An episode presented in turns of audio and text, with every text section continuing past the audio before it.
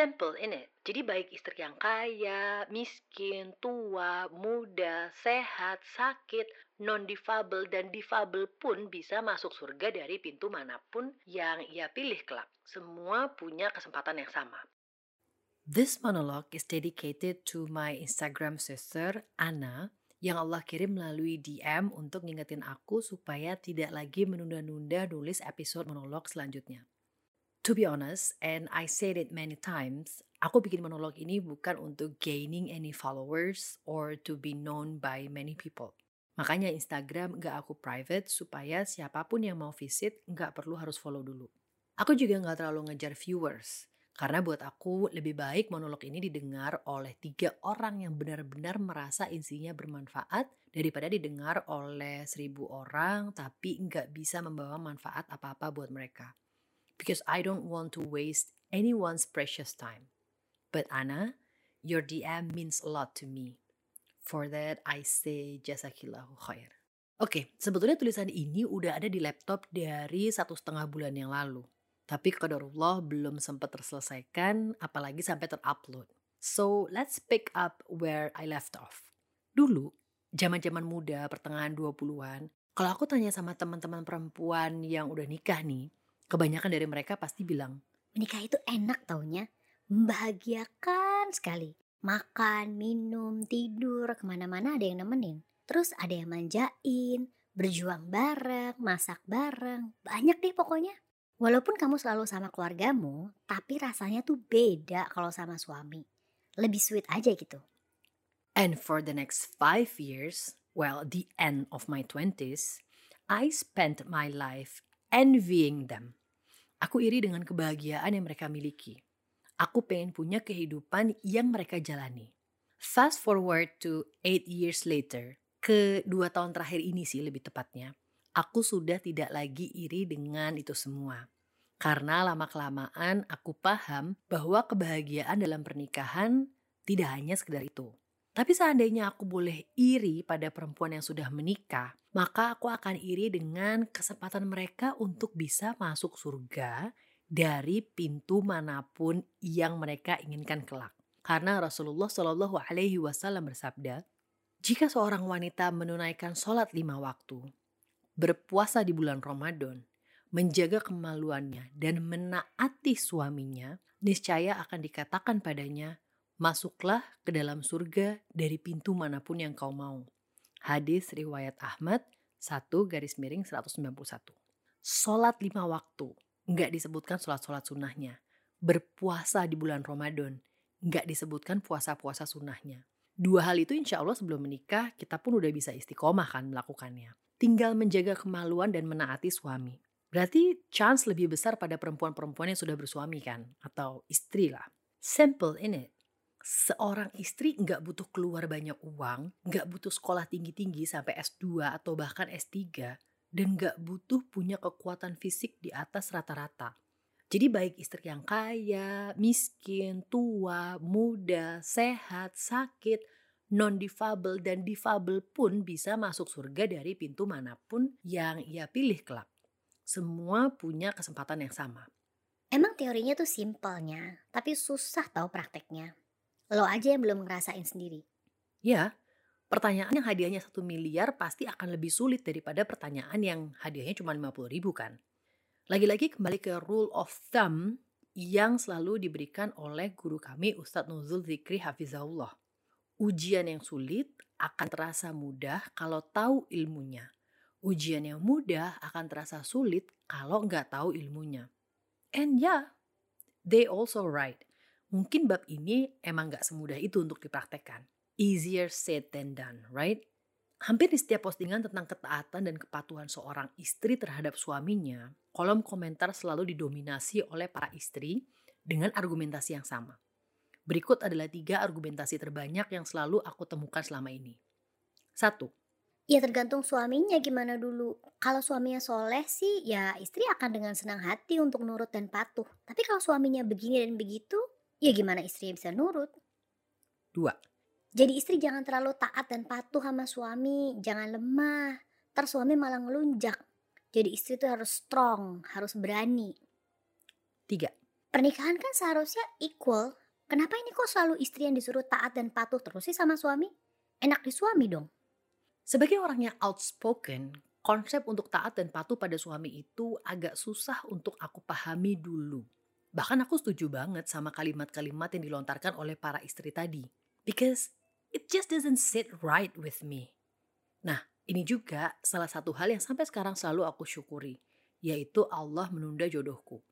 Gimana coba kalau saat ini dengan pemikiran yang seperti itu, aku menikah?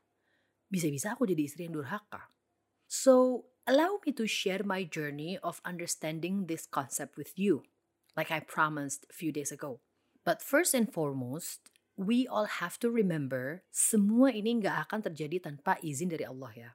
Jadi yuk sama-sama meminta agar Allah mampukan kita untuk bisa memahami semua ini dengan hati yang lapang dan bersih.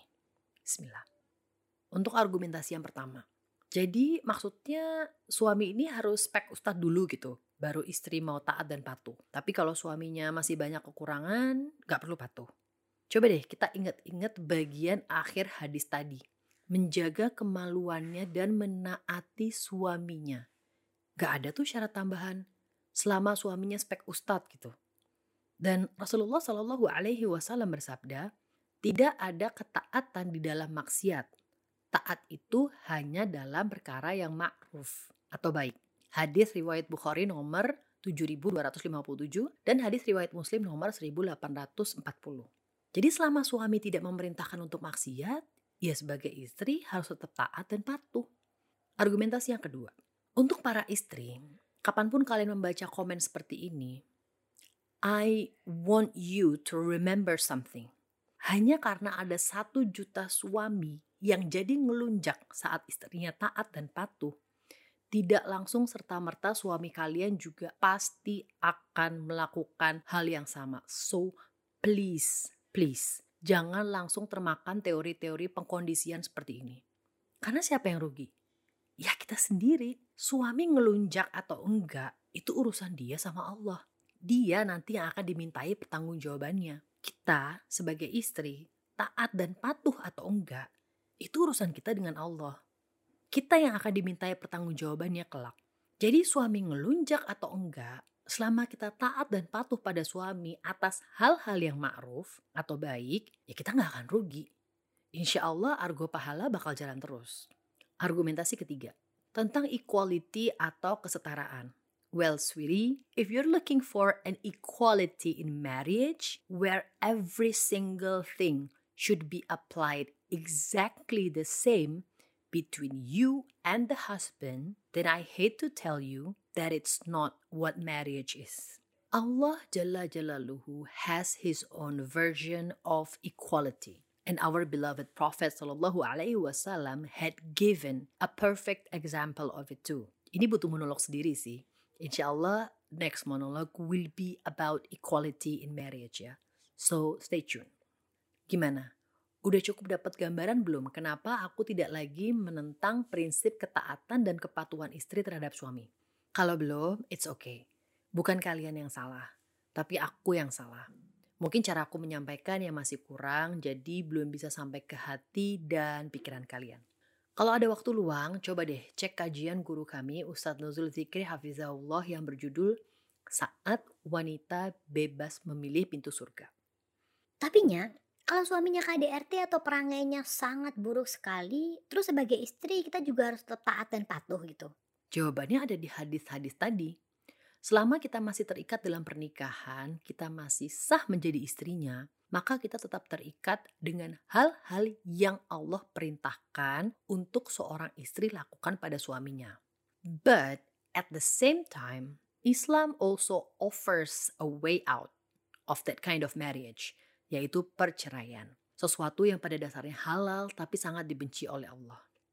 Tapi lagi, keputusan itu harus dikonsultasikan dengan orang-orang yang memiliki ilmu agama terlebih dahulu agar keputusan yang diambil memiliki landasan syar'i, bukan karena perasaan atau hawa nafsu belaka.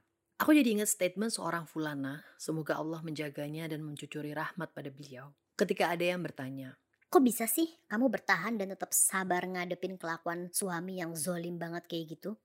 Kalau aku sih udah lama minta cerai. Tahu nggak dia jawab apa? Kalau Asiyah aja bisa bersabar sampai akhir hayatnya bersuamikan Fir'aun, kenapa aku nggak bisa bertahan? Suamiku pun nggak sezolim Fir'aun. Aku pengen bisa masuk surga seperti Asiyah. Well, what I'm trying to say is, coba deh, kalau kita mau lebih terbuka lagi, melihat lebih jauh lagi, beyond what meets the eye, siapa sih sebenarnya memulai teori bahwa kepatuhan dan ketaatan seorang istri pada suami itu adalah sebuah kelemahan, sebuah penindasan, oppression, dan seorang istri harus berani melawan suami. It's the West, right? And God knows who's behind them. Bahkan adat sekalipun, well, I can't speak on behalf of all culture ya, tapi dalam adat Jawa yang aku pahami, dari kecil perempuan diajarkan untuk taat dan patuh pada suami. Tentunya dalam hal-hal baik yang tidak melanggar norma. Lagi pula ya, ketaatan dan kepatuhan seorang istri pada suaminya itu sama sekali bukan merupakan sebuah pertanda kelemahan, tapi kekuatan. Hanya perempuan kuat saja yang mampu menahan ego, perasaan, dan hawa nafsunya untuk bisa taat dan patuh pada suaminya dalam kebaikan, semata-mata karena mengharap ridho Allah. Surga hanya akan bisa diraih melalui ketaatan serta kepatuhan. Dan surga bukanlah tempat orang-orang yang lemah. Buat yang masih belum menikah, perbanyak berdoa pada Allah agar dipertemukan dengan suami yang layak untuk kita taati dan patuhi seumur hidup. Karena di situ letak pahala dan surga kita. Untuk yang udah menikah dan qadarullah suaminya masih belum bisa istiqomah untuk tidak berbuat zalim pada istrinya, just stay strong and always ask Allah for help. Kalian adalah orang-orang yang Allah pilih untuk bisa meraup pahala lebih banyak daripada istri yang lain melalui ketaatan, kepatuhan, serta kesabaran. Remember this always. Apa pun takdir kehidupan yang sedang kita jalani saat ini adalah yang terbaik walaupun sulit. Al khair khairutullah. We just have to make the most of it.